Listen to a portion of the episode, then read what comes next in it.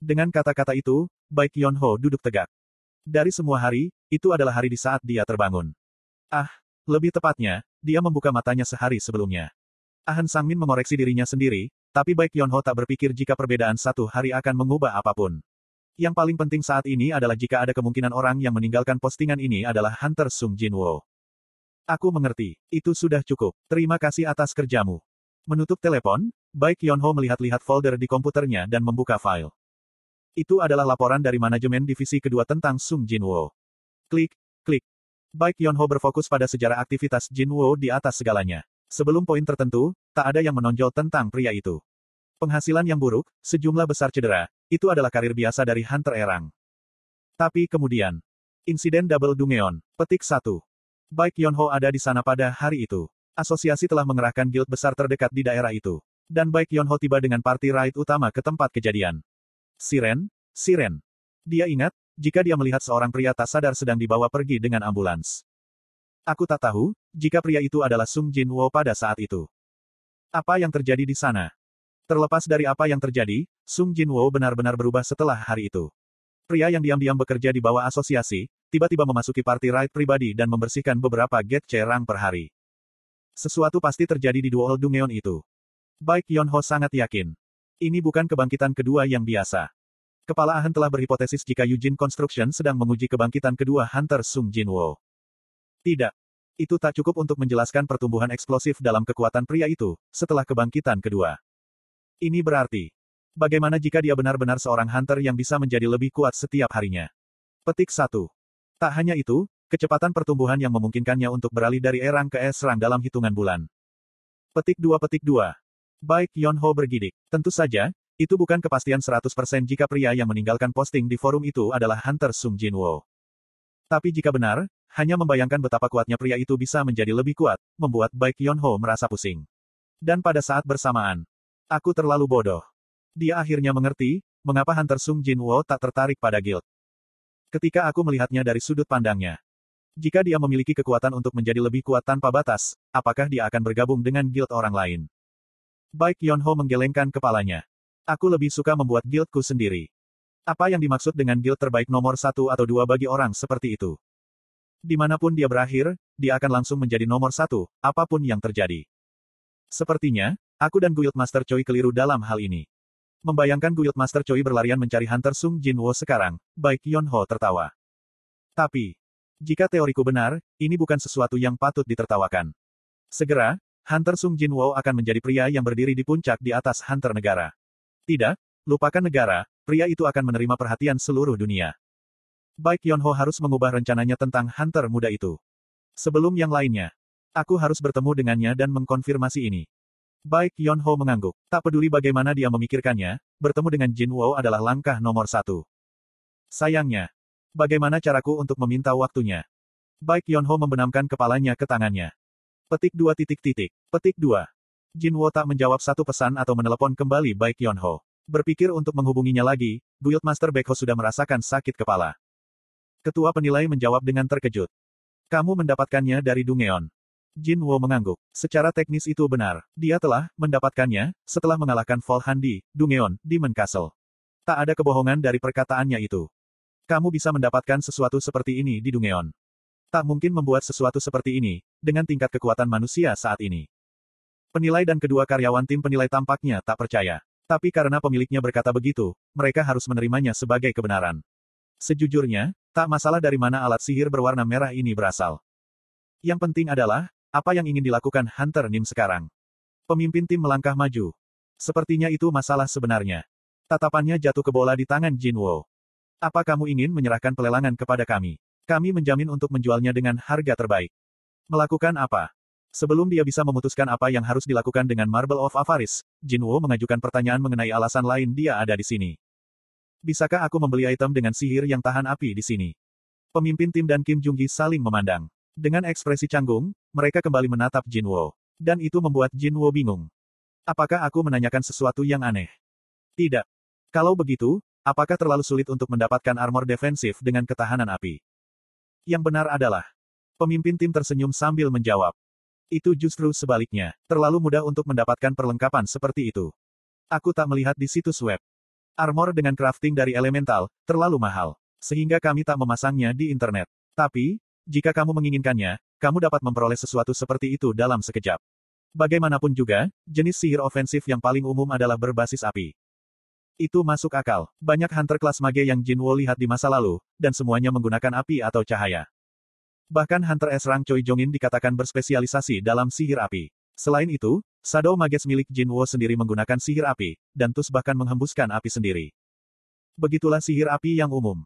Yah, bagus kalau aku bisa mendapatkannya dengan mudah. Fakta jika harganya mahal sedikit mengganggunya. Tapi tak ada biaya yang tak dapat ia tanggung untuk menyembuhkan ibunya. Jika dia bisa mendapatkannya dengan cepat, Jinwo siap membayar berapapun harganya. Bahkan jika itu berarti menjual Marble of Avaris. Bisakah kamu menunjukkannya untukku? Tentu saja, aku akan melakukannya sekarang. Ketua tim akan pergi, lalu berbalik ke Kim Junggi. Junggi si, aku tak ingin Hunter Nim hanya menunggu dan tak melakukan apa-apa. Mengapa kamu tak menunjukkan kepadanya, beberapa barang kita? Ah, aku akan melakukannya. Kim Junggi melangkah maju. Tolong ikuti. Kedua pria itu pergi ke area pameran. Itu adalah area yang disediakan untuk para VIP, dimaksudkan untuk menampilkan barang-barang kelas atas yang akan disiapkan untuk dilelang, atau menunggu pembeli. Senjata, armor, runestone, dan semacamnya ditampilkan dalam kotak kaca. Jinwo berhenti di depan sebuah kotak. Di dalamnya ada pedang panjang. Kim Junggi lalu mendekati Jinwo. Apakah ada sesuatu yang menarik perhatianmu? Tidak, tak ada yang seperti itu. Jinwo mengetuk di atas kotak kaca. Krek. Apa kamu yakin, itu ide yang baik untuk menyimpan item ini dalam kaca yang terlihat rapuh ini? Sepertinya tak ada langkah-langkah perlindungan lainnya. Kim Junggi memasang ekspresi bangga. Mungkin terlihat seperti itu, tapi kotak-kotak ini terbuat dari kaca yang diperkuat dengan kekuatan sihir, diproduksi oleh perajin terbaik.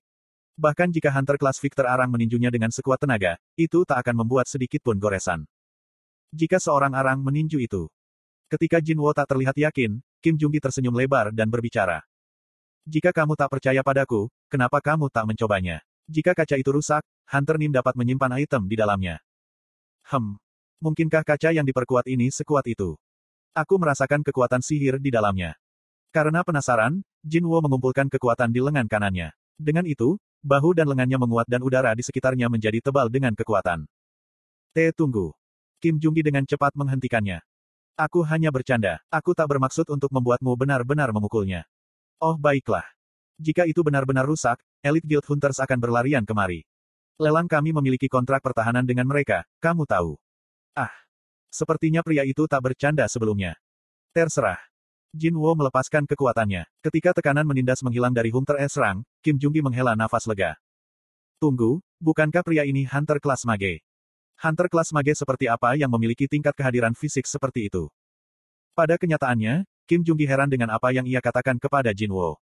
Pria itu berpikir jika kekuatan fisik Hunter kelas mage. Bahkan jika orang itu adalah S Rang, itu tak akan sehebat itu. Tapi ketika Jinwo melenturkan ototnya, setiap rambut di tubuhnya berdiri dan berteriak kepadanya secara naluriah, untuk menghentikan apa pun yang akan dilakukan Jinwo. Untungnya, Jinwo mundur dengan santai. Ya, tangan Hunter Nim bisa terluka. Kim Junggi menenangkan dirinya dengan pemikiran itu dan membimbing Jinwo melihat item lainnya. Setelah berkeliling ruangan, Jinwo bertanya. Apakah ada senjata yang bisa kupegang? Sesuatu seperti dagger. Petik 2. Dia tak terlalu ingin membeli senjata di sini, tapi melihat-lihat item yang dipamerkan, membuat Jin Wo ingin tahu seperti apa senjata kelas atas itu. Wajah Kim Junggi menjadi cerah. Ada alasan mengapa semua barang ini dipajang, itu adalah untuk saat-saat seperti ini. Hunter adalah penjual, tapi juga pembeli yang berharga. Tentu saja, Tuan. Kim Junggi berbicara ke mikrofon di bajunya dan memanggil karyawan yang bertanggung jawab atas senjata. Karyawan spesialis senjata berlari secepat kilat. Ini dia. Ketika spesialis bertanya dengan matanya, Kim Junggi mengangguk. Ah, Senang bertemu denganmu. Aku yang bertanggung jawab atas senjata. Tolong ikuti aku. Karyawan itu membawa Jin Wo dan meninggalkan ruang pameran VIP. Setelah kedua pria itu pergi, Kim Junggi menghela nafas dalam-dalam lagi. Hunter Sung Jin Wo Nim benar-benar memiliki bakat yang mengejutkan. Setelah menenangkan diri, Kim Junggi melihat sekeliling ruangan tanpa banyak berpikir. Dia datang di depan kaca dengan pedang panjang yang Jin Wo lihat. Khawatir jika mungkin ada tanda kotor pada kasingnya, karyawan tersebut memeriksa pelindungnya, ketika dia melihat sesuatu. Hem. Itu di atas kotak kaca. Apa? Di panel kaca, ada celah yang nyaris tak terlihat. Kapan ini terjadi? Dia mengambil handuk kecil dan mencoba menghapusnya, tapi tak bisa. Dia mengkonfirmasi jika itu benar-benar ratakan, dan bukan kotoran. Sialan. Kim Junggi menggosok wajahnya. Jika pelanggan berharga seperti Hunter Sung Jinwo memperhatikan hal ini, seberapa kecewakah dia dengan pelelangan? Untungnya, itu tak disadari oleh Jinwo. Sambil mengklik lidahnya, Kim Junggi memberitahu tim pemeliharaan dan meninggalkan ruangan. Jinwo mengangkat dagger yang diperlihatkan spesialis senjata kepadanya. Sejujurnya, itu mengecewakan. Ini lebih buruk daripada Night Killer Berang. Kekuatan serangan yang ditampilkan oleh sistem, bahkan itu tak setengah dari Night Killer. Jinwo memegang dagger dengan kecewa dan bertanya. Berapa harganya? 30 juta won. Mata Jinwo terbuka lebar. Berapa biaya untuk senjata jelek ini? Maaf, berapa? 30 juta won, Hunter Nim. Tunggu. Jinwo berbalik dan pura-pura memeriksa sakunya. Dia memanggil Night Killer dan berbalik. Berapa harganya untuk ini? Kali ini, mata karyawan terbuka lebar. Apakah ini item Hunter Nim? Hoa, aku merasakan keterampilan seorang perajin elit di atasnya. R, tidak, ini hanya barang dari sistem, shop. Setelah diperiksa sesaat, karyawan itu berbicara sambil tersenyum. Aku bukan penilai resmi, jadi sulit bagiku untuk mengatakannya. Tapi sepertinya itu bisa mencapai setidaknya 100 juta won. Wajah Jinwo membeku. Aku membeli ini seharga 3 juta gold di toko. Agar lebih akurat, itu 2,8 juta gold. Membaca ekspresinya, Karyawan itu menggaruk bagian belakang kepalanya karena malu. Apakah aku salah? Aku minta maaf, aku spesialis senjata. Jadi, aku mungkin telah berbicara terlalu jauh dari tempatku. Tidak, tak seperti itu. Dia hanya terkejut dengan harga barangnya. Nah, jika dia memikirkannya, bahkan pedang baja Kim Sang-shik yang ia gunakan, dikatakan menelan biaya hingga 3 juta won. Dan peralatan mahal Yujin Ho yang tidak terlihat memiliki banyak kegunaan menghabiskan biaya ratusan juta won. Fakta jika item yang kuat dari sistem harganya mahal di dunia nyata, bukanlah hal yang gila. Aku hanya tak memperhatikannya. Dia kehilangan minat pada uang sejak dulu. Tunggu. Persediaannya diisi sampai penuh dengan gold. Bagaimana jika dia bisa menukar gold itu dengan uang sungguhan dengan menjual barang-barang dari toko sistem? Kepala Jinwo dipenuhi dengan perhitungan cepat. Aku tak harus menjual Marble of Avaris. Ketika benaknya mencapai pikiran itu. Wah. Apakah dia salah? Jinwo bersumpah dia mendengar sorak-sorai yang datang dari para mage dalam bayangannya.